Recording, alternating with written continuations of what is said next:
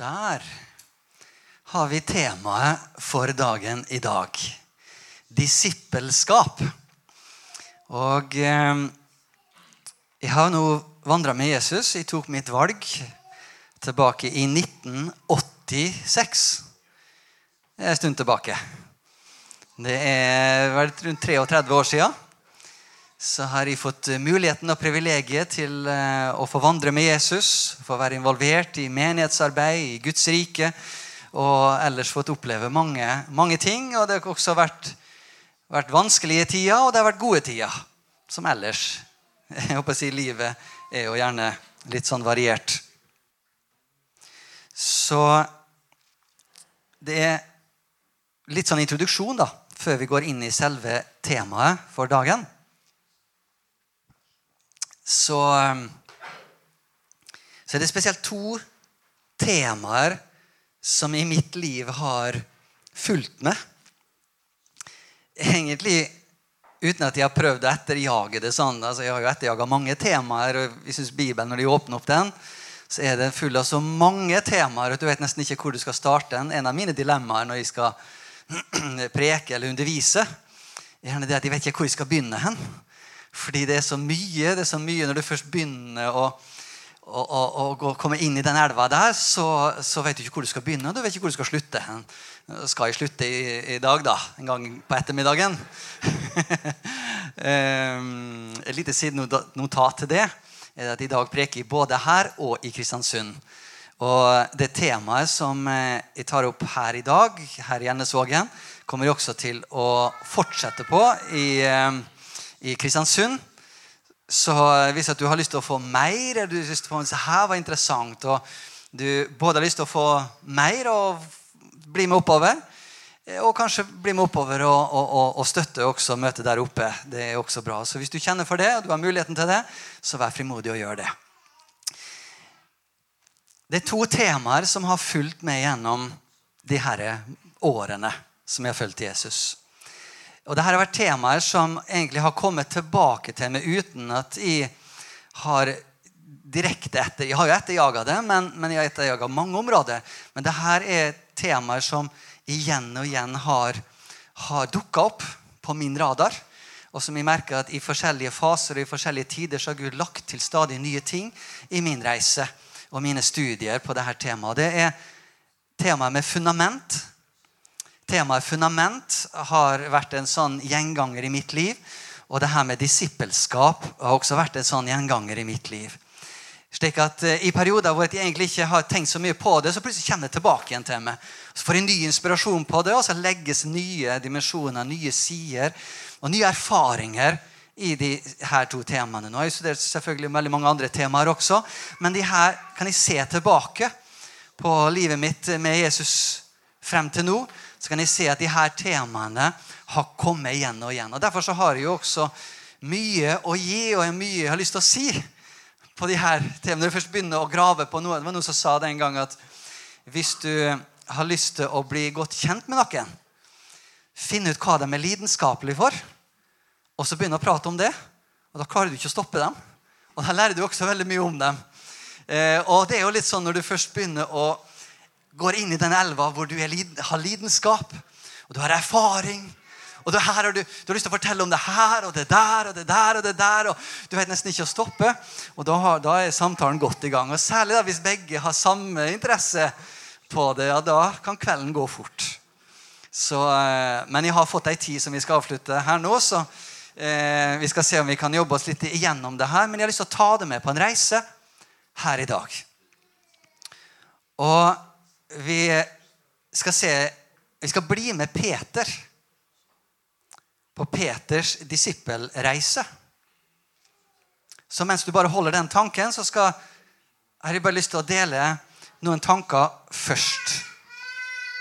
Litt innledning før vi begynner å stille oss ved siden av Peter og følge Peter gjennom hans disippelreise. For temaet i dag det er disippelskap. og jeg håper at det vi snakker om her i dag, at du vil merke det at det blir relevant for deg. At du kjenner at her, du kan kjenne det igjen, og du kan også kanskje bli utfordra. Kjenne at både områder som vi ser at de har tatt imot og, vandra i, men kanskje også områder hvor du kjenner det at her kjenner jeg meg litt utfordra, for her kjenner jeg at de trenger å ta nye steg.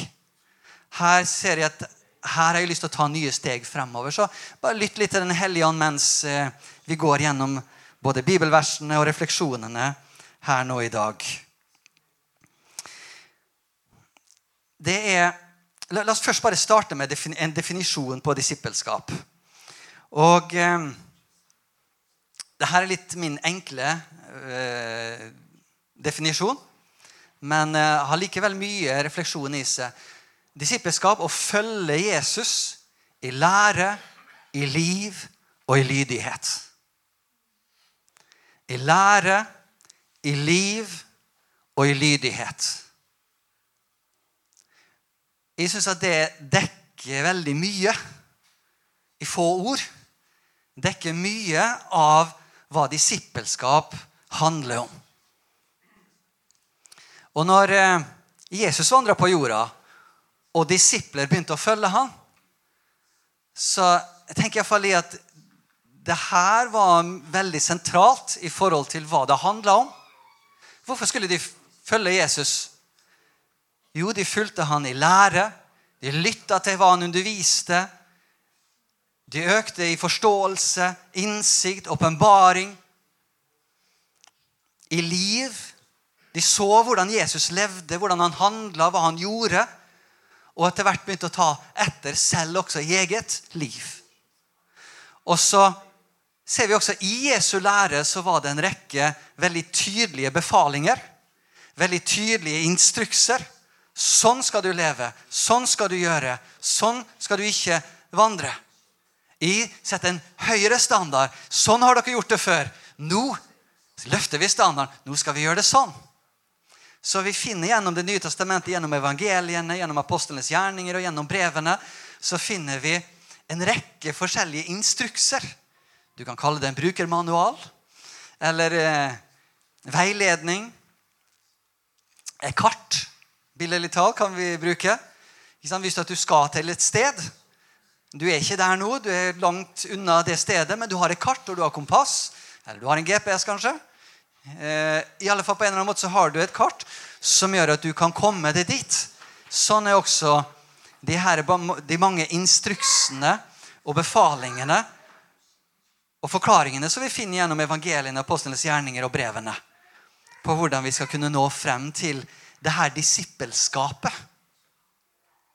For disippelskapet er ikke noe som du kommer frem til, og så ja, ok, da kan du legge det på hylla. Det er liksom kryss. Liksom merka av det. og Nå har de vært der. Du har vært i New York. ja, ok, Kryss ut. ikke sant? Og så har du vært i Los Angeles. ja, Kryss ut. Nå har vi vært der. ikke sant? Nå får vi ikke tilbake dit. Nå og nye plasser. Disippelskap er ikke sånn.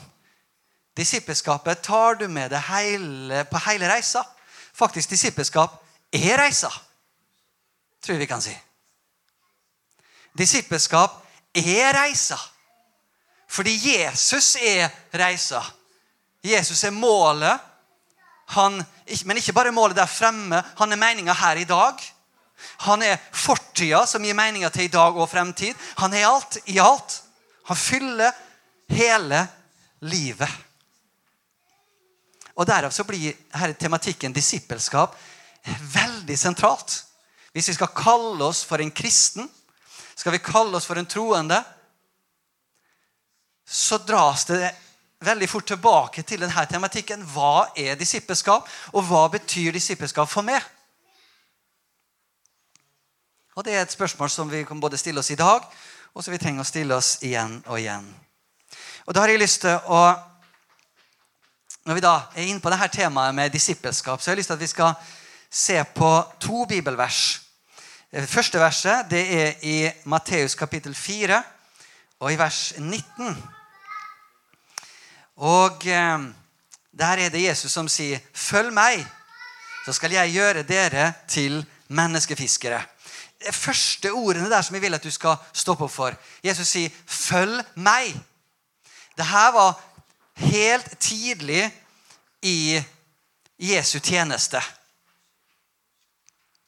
Hvor han begynte å si det her. 'Følg meg.' altså Han begynte å samle disipler. Men så kan vi gå til slutten av Jesu tjeneste, til Matteus 28. Og i vers 18 der, eller i vers 19 kan vi gå rett til, der står det Gå derfor ut og gjør alle folkeslag til disipler. Så vi ser Først så ser vi en uttalelse av Jesus hvor han sier 'følg meg'. Og så hopper vi en tre, to og et halvt til tre år fremover i tid. Og så sier Jesus, 'Gå ut og gjør alle folkeslag til disipler'. Mitt spørsmål når vi har den uttalelsen der for to og et halvt, tre, tre og et halvt år siden, og så nå Du har to uttalelser, og du har et tidsintervall imellom her. Hva skjedde imellom her? Det syns jeg Og det er litt det vi skal utforske og kikke litt inn i her i dag. Hva var det som foregikk fra begynnelsen her til hit? Altså fra den ene uttalelsen til den andre uttalelsen? Og da tenker jeg ett, ei setning eller et begrep er det her med modenhet. Det å vokse i modenhet. Der er det et, et bibelvers som jeg har lyst til at du skal enten lytte til, du kan slå opp hvis du vil, i Kolosser, Kolosserne, kapittel 1. Og i vers 27 så står det Han er det vi forkynner. Altså Jesus Kristus. Han er det vi forkynner. Og vi rettleder og underviser alle mennesker, si alle mennesker, i den fulle visdom for å føre hvert menneske, si hvert menneske, frem til modenhet i Kristus. I temaet disippelskap så fins det en reise. Det finnes bevegelse. I temaet disippelskap så finnes det steg. Og det et steg til, og enda et steg til. Og sånn fortsetter det. Og én definisjon eller én beskrivelse av disippelskap kan du godt si ett ord bevegelse. Og jeg tror disippelskap er en av de her viktige faktorene som virker imot det her med stagnasjon og lunkenhet i livene våre. For det er noe med, det er noe med når vi fortsetter å ta steg. Det er gjerne stagnasjonen og likegyldigheten og lunkenheten kommer mer og mer inn når vi stopper å ta steg. Vi stopper å ta steg fremover. Så kommer jeg til å utfordre da litt til slutt. Men jeg bare kaster det frem litt sånn allerede her. Hva er ditt neste steg i din disippelvandring? Det kan være noe i ditt eget liv. Det kan være noe utenfor. Det kan være mange forskjellige ting. Men hva er Kjenn etter. Lytt etter. Kanskje Den hellige allerede har jobba med i ditt hjerte til å ta et steg i en eller annen retning som Den hellige har mana deg til. Og så kanskje ukomfortabelt. Kanskje det er spennende. Kanskje du ikke vet å finne tid til det. Men hvis Den hellige ånd maner og sier at det her er det neste steget jeg vil du skal ta Så lytt etter og kjenn etter. Og la Den hellige ånd få lede det videre i din vandring med Jesus. Noen steg er på personlig plan og mer innvendige steg. Andre steg kan være mer utvendig, hvor det er handlinger vi gjør, som Den hellige ånd legger i vår vei. Det neste steget er for meg å ta det her steget hit. Andre ganger kan de stegene være på innsida. Kanskje rydde i ting på innsida. Det kan være hva som helst. Helligånd vet. Helligånd kjenner våre liv. Helligånd kjenner hvor han vil ha oss hen, og hvor, hva vårt neste steg er. Og Disippelreisen handler om å fortsette å ta steg. Og særlig når ting er vanskelig da er sjansen størst for at vi stopper å ta steg. Men det er ikke uvanlig det at eh, hvis vi opplever vanskelige ting, så, og vi stopper å ta steg, så begynner vi å bli distrahert. og så begynner vi å gå i andre retninger. Men takk og lov, vi kan komme tilbake igjen til han. Komme tilbake igjen inn på veien. Kan vi fortsette å ta steg igjen. Om du har vært litt ute av denne reisa, så kan du ta et steg tilbake. Kanskje det er neste steget i dag. Ta et steg tilbake fra alle de her distraksjonene, alle de her prosjektene eller tingene som en vil realisere eller virkeliggjøre. Jeg vet ikke. Du må kjenne etter i ditt hjerte hva Ånden vitner, hva Ånden sier. Men noen ganger så trenger vi å ta et steg tilbake. Jeg kjenner innimellom. Særlig når de tar tid til å faste, til å søke Gud og bare legge meg helt åpent innfor Gud. Si, Gud, er det noe i mitt liv som du ønsker å korrigere, ønsker å justere? Ja, så opplever vi gjerne det at Gud peker på noe. Da må jeg ta et steg, kanskje tilbake igjen Blir litt for distrahert eller fokusert på noe som kanskje enten ikke var timingen nå, eller Ja. Det kan være så mange ting. Men Helligånd vet å lede når vi er villige til å lytte og følge. Amen. Er du her ennå? Disippelskap er det som vi snakker om her i dag. Så for å føre hvert menneske frem til modenhet i Kristus. Så vi er på en reise både mot mer modenhet. Men det fins også en rekke bibelvers og henvisninger i Guds ord som, hvor vi får en forståelse av at det fins forskjellige faser i vårt trosliv, i vår vandring med Jesus. Det finnes barndom, ungdom og voksen, fullmoden alder. Dette er jo en studie i seg sjøl. Men det er noe med i disippelskapstankegangen å forstå at vi er på vei mot noe. Vi er på vei fremover. Der jeg, var for et, jeg er ikke i dag hvor jeg var for et år siden. Og jeg er ikke ennå der jeg kommer til å være om et år. Men jeg er på vei. Jeg fortsetter å ta steg, og noen ganger så feiler jeg, andre ganger så lykkes jeg. Men jeg fortsetter å ta steg. Og Det tror jeg er en viktig faktor i forhold til å kunne komme seg gjennom Eh, mange ting som livet byr på, både på godt og vondt. Eh, det at uansett hva det er, så fortsett likevel å ta steg. Fortsett å ta steg fremover. Ikke stopp å ta steg. En av de største grunnene Jeg var i Forsvaret, så var jeg i en avdeling hvor vi også hadde trening i overlevelse. Eh, og en av de største farene, eller grunnene til at mennesker eller personer dør ute i, kaldt vinterklima. La oss si noe skjer, bilen stopper, de skal prøve å komme seg til et hus. Et eller annet skjer som gjør det at Men de har ikke klær, de har ikke den utrustninga som de burde ha hatt. En av de største grunnene, sies det, til at personer dør i sånne kritiske øyeblikk eller kritiske situasjoner, er det at de stopper. De blir så sliten, de blir kalde, så setter de seg ned. Og da tar det bare noen minutter før at du blir ganske kald. Og da blir det enda vanskeligere å reise seg igjen. Så, eh, så om ting er tøft og litt vanskelig i dag, så bare pass på at du bare fortsetter å ta steg. Fortsett å komme på møte. Fortsett å ta frem Bibelen din. Om du ikke orker å lese så mye, så les litt. da.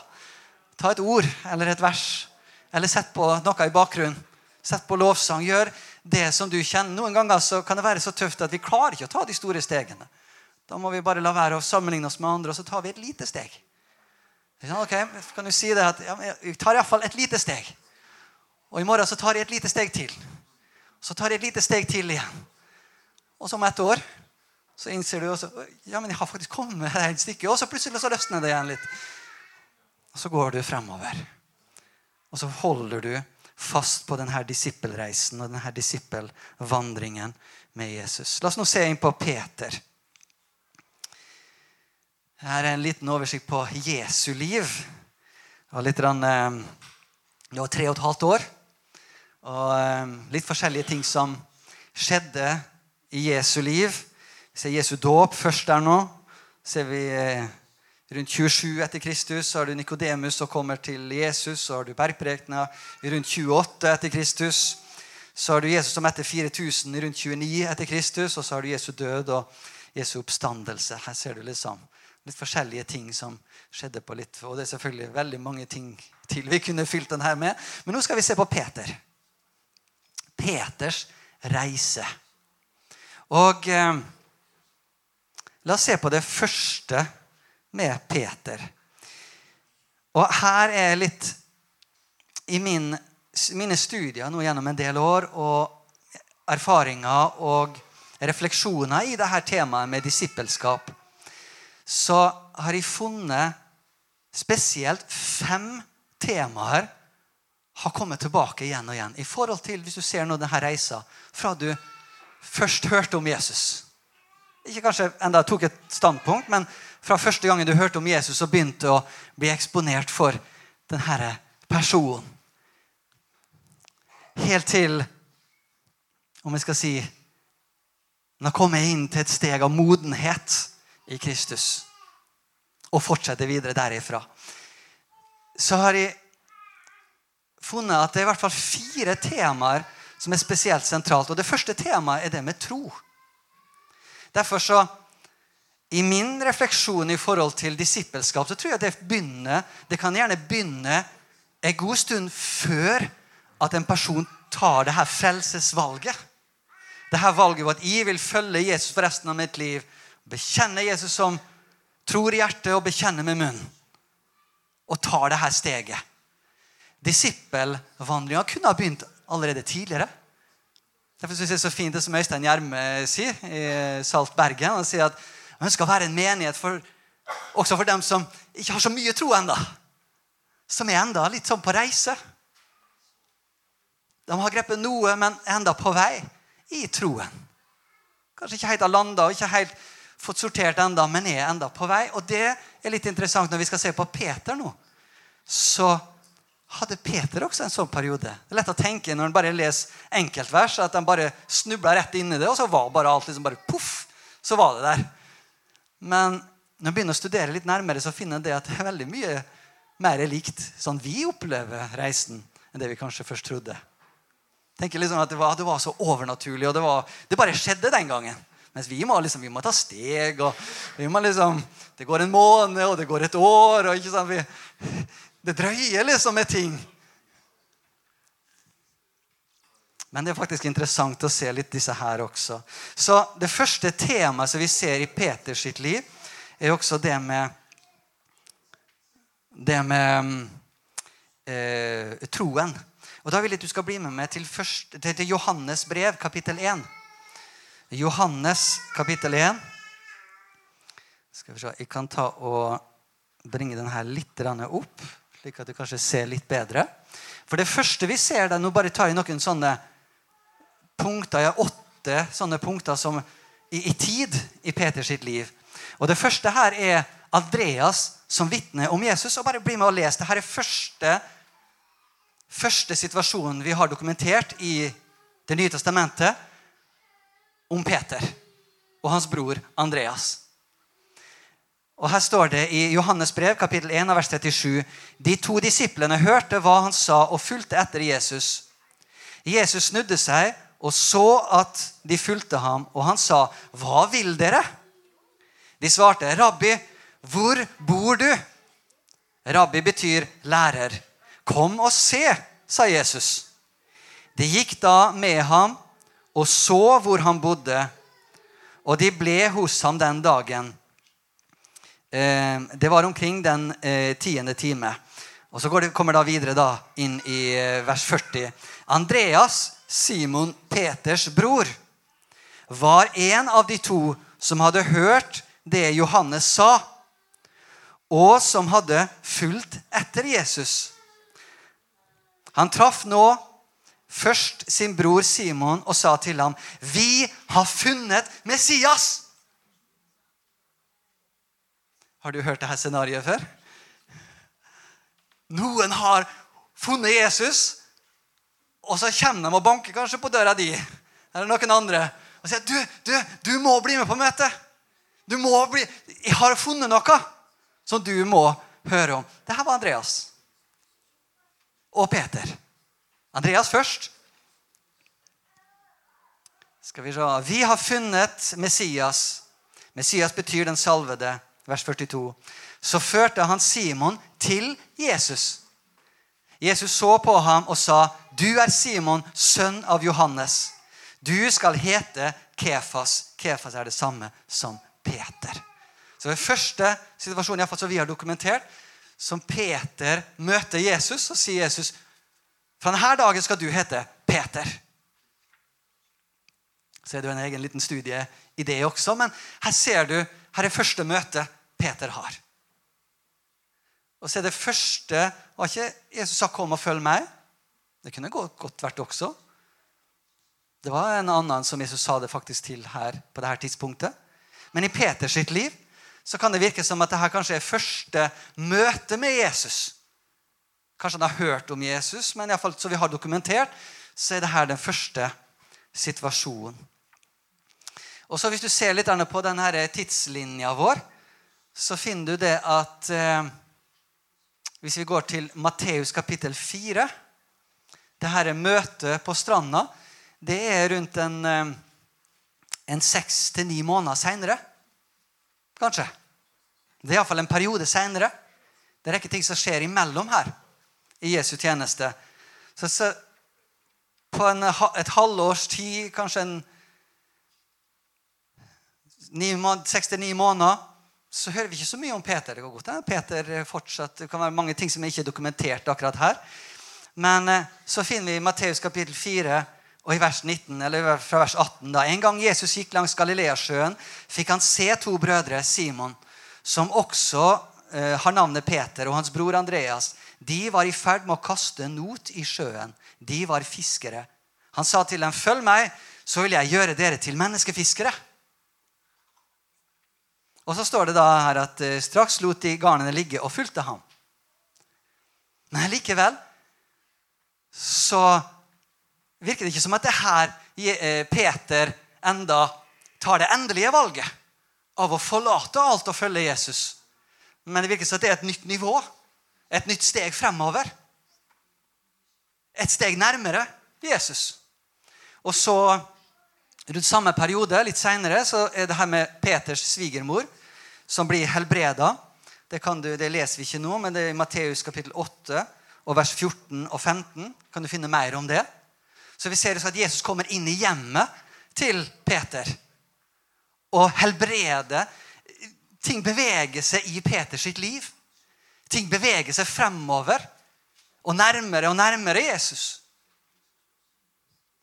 Men så kommer det her punktet hvor det virker som at Peter tar en endelig valg. Og det leder meg til det neste ordet.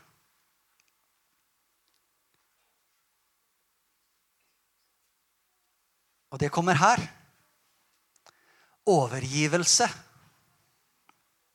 Da kan jeg bare bringe opp eh, den litt forstørra. Overgivelse. Og Bli med meg til Lukas kapittel 5, og vi skal lese hele det stykket der. Og bare se Peters reise Peters første si, trossteg.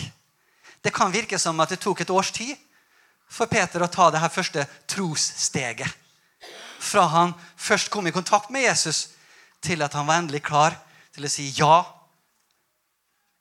du er virkelig den som vi vil følge. La oss bare lese denne eh, situasjonen i Lukas kapittel 5 og fra vers 1 til og med vers 11. Litt lesing her, men bare ta inn denne historien. En gang Jesus sto ved Genesaretsjøen, og folk trengte seg om ham for å høre Guds ord, fikk han se to båter som lå ved stranden. Fiskerne var gått ut av dem og holdt på å skylle garnene. Jesus steg opp i en av båtene, den som tilhørte Simon, og ba ham legge litt ut fra land. Så satte han seg og underviste folkemengden fra båten. Da han var ferdig med å tale, sa han til Simon Her ser du, Nå ser du liksom en sånn tett på dialog her. Hvorfor steg Jesus opp i Simon sin båt, Peters sin båt. Jeg tror, I alle fall så var noe Den hellige ånd ønska å virke her. Kanskje en tid var blitt moden også. Et steg var blitt klart. Og nå er ting i ferd med å utfolde seg i forhold til det neste steget, neste store steget. Da han var ferdig, vers 4 Da han var ferdig med å tale, sa han til Simon, legg ut på dypet og kast noten til fangst. Mester, svarte Simon, vi har strevd hele natten og ingenting fått. Du kjenner sikkert historien fra før. Ingenting fått, men på ditt ord vil jeg kaste noten. Så gjorde de det, og fikk så mye fisk at noen holdt på å revne. At noten holdt på å revne. De ga tegn til kameratene i den andre båten at de skulle komme og ta i med dem. Og da de kom, fylte de begge båtene, så de var nær ved å synke. Da Simon Peter så det, kastet han seg ned for Jesu føtter og sa, 'Gå fra meg, Herre, for jeg er en syndig mann.' For han og alle som var med ham, var slått av undring over den fangsten de hadde fått. Likedan var det med Sebedeus-sønnene Jakob og Johannes, som fisket sammen med Simon. Men Jesus sa til Simon Hør her. Jesus sa til Simon, 'Vær ikke redd, for nå skal, eh, fra nå av skal du fange mennesker.' Så rodde de båtene i land, forlot alt og fulgte ham. Legger du merke til et nytt nivå, akkurat som et skifte i Peters sitt liv? Han har vært i en sånn, først i en sånn tros, i trosreise, trossteg. Tros, altså troen har vokst, har blitt mer og mer kjent med Jesus. Jesus har blitt mer og mer nær og virkelig og klar i livet hans. Men så kommer det et sånt punkt som tar Peter opp på et nytt nivå. Og det jeg ser her, er det her ordet overgivelse.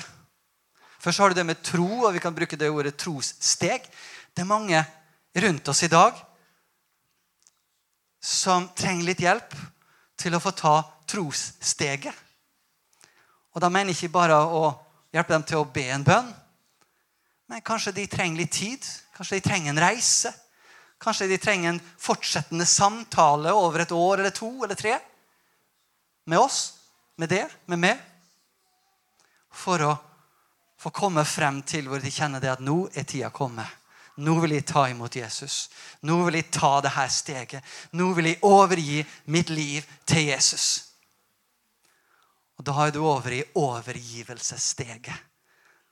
Og Da er du oppe på et nytt nivå. Det ser vi med Peter her også. Så eh, vi ser det her andre steget her er først tro. Så har vi det med overgivelse. Skal vi gå videre og se på det tredje?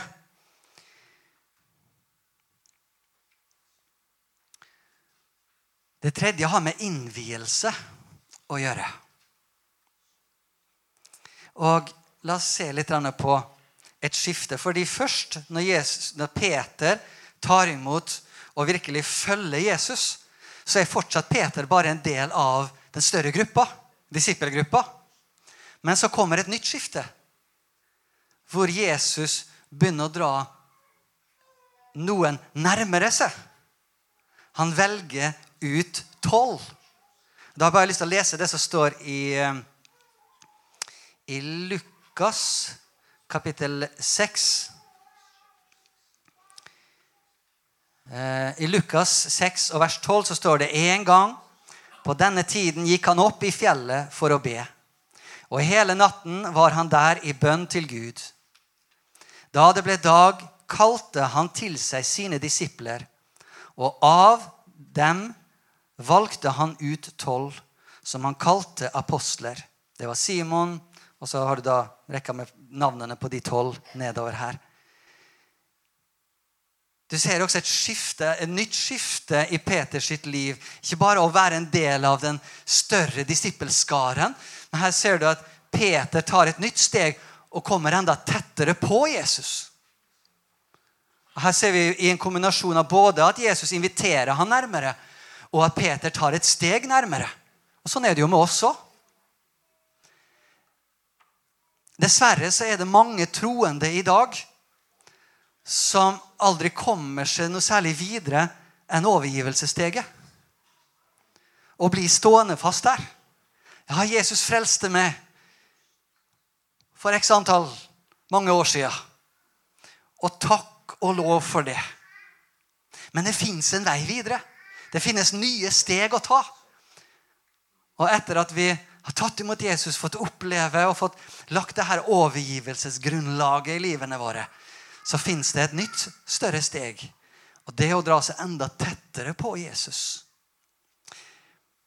En billedlig parallell som du kan finne litt fra Gammeltestamentet, som kan være én side av denne innvielsesfasen, innvielsestida, innvielsessteget, er Israelsfolket i ørkenen. De hadde først blitt frelst. Moses hadde kommet, løst dem ut med sterke tegn og under, ført dem ut av Egypt. Og så leder Gud dem videre etter da de har gått et visst stykke. Så kommer en ny tid, en ny fase. Og her er det hvor Gud begynner å jobbe dypere i livene våre. Hvor det krever at vi må presse oss nærmere Han. Kanskje ting blir enda litt mer utfordrende, men her er det en tid hvor Gud begynner å bygge dypere karakter, styrke, tro. Begynner å forme oss for det som kommer etter der igjen. For Gud har alltid noe videre. Gud stopper ikke opp i våre liv. Der du er i dag, så har Gud enda noe mer lengre frem igjen. Så innvielse har med det her med å komme enda nærmere og tettere på Jesus. Alt hva det innebærer, alt hva det gjør, alt hvordan det former oss på karakter. Kanskje også en, kan være en vanskelig tid og vanskelig område, det med innvielse også, fordi at du kommer så nært at det lyset fra Jesus det avslører også ting i våre liv som ah, men, Ikke det her, Jesus. Det, det, er ikke, det er ikke bare enkelt å komme tett på Jesus. Fordi at sam, altså på en måte Hvor hellig og, og, og, og, ren og sterk han er, og så kommer i. Og så er det på en måte Men da må vi bare presse oss inn med han enda mer. Amen. Men etter at vi har kommet til tro, tatt trosteget, og så har vi overgitt oss til Jesus og følger han helhjertet for resten av våre liv, overgivelsessteget, så leder han oss videre inn i en dypere innvielse. Nærhet til han. Hvor virkelig du får en, en erfaring med ham som går på dypet i livet. Og som vil være et fundament. Og du vil besøke det her, komme tilbake til det her igjen og igjen. Men det vil kanskje være en tid, særlig i begynnelsen av din vandring, hvor, hvor du merker det at det er en progresjon i de her tingene. Og så alle de her fem temaene eller områdene blir på en måte som fundament i livet vårt og vårt disippelskapsliv. Vår disippelskapsreise som vi tar med oss for resten av livet. Trossteget det fortsetter vi å ta hver dag også. Fortsette å utforske alt det Jesus betyr, og alt han har gjort, osv. Så, så, videre. så la oss se da på det neste steget. Et tjenestesteget. Når du har tatt imot Jesus, du har fått erfare hvor god han er. Du bare kjenner det at han har bare fylt det. Du og Jesus. Wow! Like herlig. Hvilket liv. Nesten så du bare Jeg kan bare bli her. Og Jesus. Wow. Jeg kan bare bli på dette fjellet. Jeg vil ikke noe ned i noe dal. Jeg vil bare bli på fjellet her. Aldri gå vekk herfra. Men så er det at det fins et steg til. Det finnes en oppgave. Det finnes et arbeid. Og Her er det en rekke ting vi kunne sagt også, men jeg har lyst til å fokusere på spesielt to ting her nå. Og Det skiftet her vi ser i Peters sitt liv, er fra å, at Jesus har dratt Peter nær til seg. Han valgte de tolv. Så ser vi at rundt et års tid, eh, et, eh, ja, rundt ni måneder kanskje, refrengene. Etter at Jesus drar dem nær, så begynner Jesus å sende ut. Begynner å gi dem oppdrag. Nå skal vi ta et nytt steg. Tjenestesteget. Altså, la oss bare lese det som står der i eh, i eh, Skal vi se Skal vi se, Da må jeg bare på notatet mitt her. I Lukas kapittel 9. Lukas 9, og her står det Han kalte sammen de tolv og ga altså vers 1, 9, 1, Lukas 9, 1. Han kalte sammen de tolv og ga dem myndighet over alle onde ånder og makt til å lege sykdommer. Så sendte han dem ut for å forkynne budskapet om Guds rike og helbrede syke. Og så er det en annen. En ting er den sida som har med at vi skal også ta et steg i å begynne å betjene andre. Begynne å løfte andre opp. Og der er det også to andre temaer som du ser litt seinere, som Jesus da i slutten av denne si, om du skal kalle det tjenesteperioden i Peters sitt liv. Så finner du at Jesus sier på slutten, der, like før at Jesus begynner å skifte over mot korset og det som han skal lide, og det som skal skje der. Så sier Jesus to ting. Og Det ene er hvor noen av disiplene kommer og sier hvem skal være den største, og så, videre, så sier Jesus det at den som vil være den største, skal være den minste. Med andre ord ønsket og viljen til å tjene hverandre. Det ligger også i dette tjenestesteget. Hvordan kan jeg tjene det? Det troende disippellivet med Jesus handler ikke bare om meg og Jesus. Det handler også om hvordan vi kan tjene og løfte opp og bære hverandre. I Galaterne står det at vi skal bære hverandres byrder og på den måten oppfylle Kristi lov, altså kjærlighetsbudet. Bære hverandres byrder. Hvordan kan vi gjøre det? Jo, kjærligheten gjør kreativ, er noen som har sagt en gang. Og det er sant. Og så står det i Johannes kapittel 13, vers 34 og 35. Et nytt bud gir jeg dere. Dere skal elske hverandre. Som jeg har elsket dere, skal dere elske hverandre. Har dere kjærlighet til hverandre, da skal alle kunne se at dere er mine disipler. Og det her er veldig interessant bibelvers, både i forhold til tjenestesteget. Tjeneste handler om å elske mennesker. Å elske, Skal vi ha et tjenende fellesskap i vår menighet, så betyr det at vi elsker hverandre og gjør ting for hverandre ut av kjærlighet. Ikke for å bli sett, eller for å, hva enn det annet måtte være, men for å elske hverandre. Så kan det få sitt uttrykk på veldig mange forskjellige måter. Mange gode måter. Og når vi elsker hverandre, så sier Jesus det at desto mer den kjærligheten blir manifestert i å tjene hverandre og elske hverandre, desto mer vil de utenfor bygget her forstå at dere er mine disipler. Det fins en dimensjon her som er litt vanskelig å forklare og vanskelig liksom å matematisk regne ut.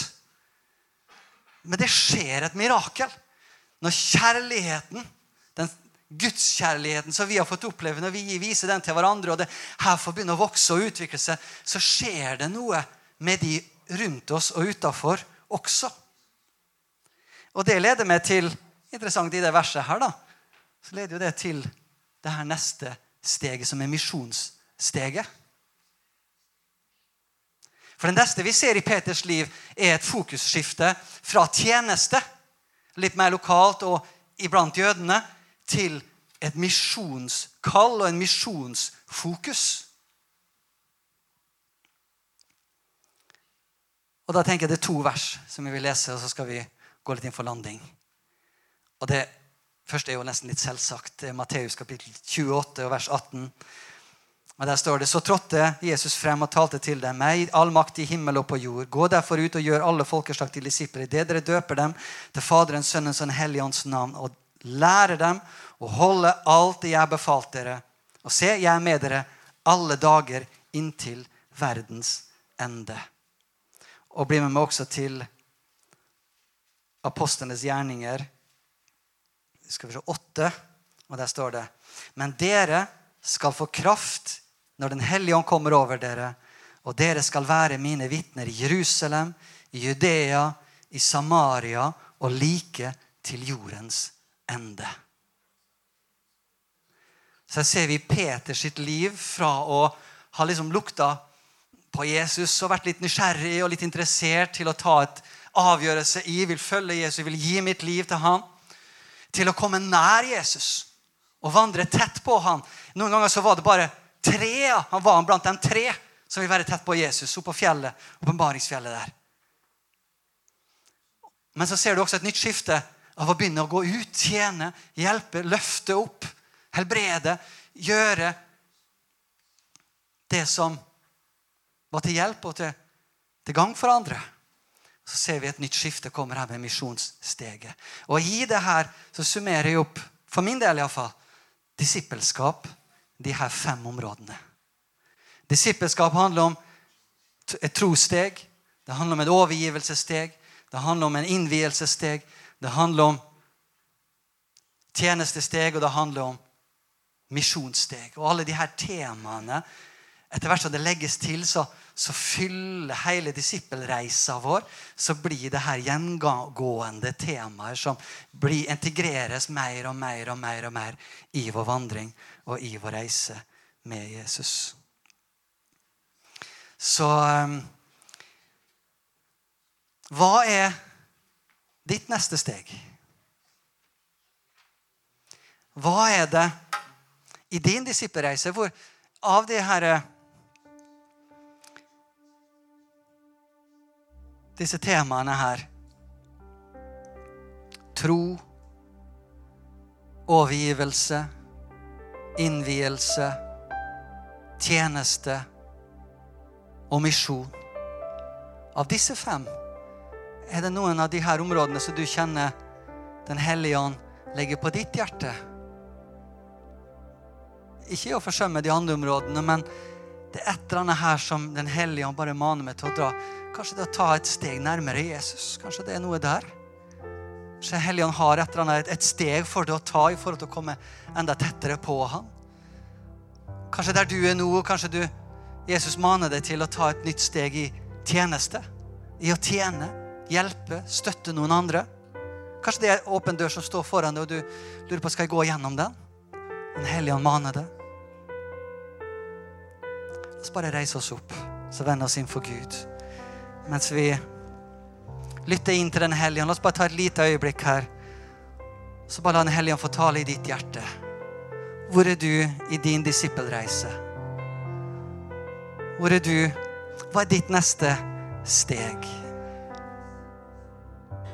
Kanskje det er tid for å bare stoppe opp og spørre det i din reise. Herre, er det noen innvendige steg som du har lagt foran meg, som er det neste jeg trenger å gjøre? Eller er det noen ytre steg jeg trenger? Himmelske Far, vi bare vender vårt hjerte inn for det, Jesus. Og vi bare ber om din hjelp. Vi ber om din hjelp til å høre og til å gjøre det som er velbehagelig og rett i dine øyne. Led oss videre på denne disippelreisen som vi er på. Uansett hvor vi er på denne reisen. Noen ganger så tar vi et steg tilbake også til områder som vi har vært tidligere, men som igjen trenger å forfriskes, fornyes, styrkes. Himmelske Far, jeg bare ber Helligånd om at du taler til hver enkelt akkurat her nå. At hver enkelt bare kjenner hva Herre Far som hva som er det naturlige neste steget å ta i deres vandring med det. Jesu Kristi navn, himmelske Far, jeg bare ber om din velsignelse over hver enkelt som er her i dag. Du styrker hver enkelt. Gi hver enkelt kraft og visdom i sin fortsettende vandring med det. I Jesu Kristi navn. Amen.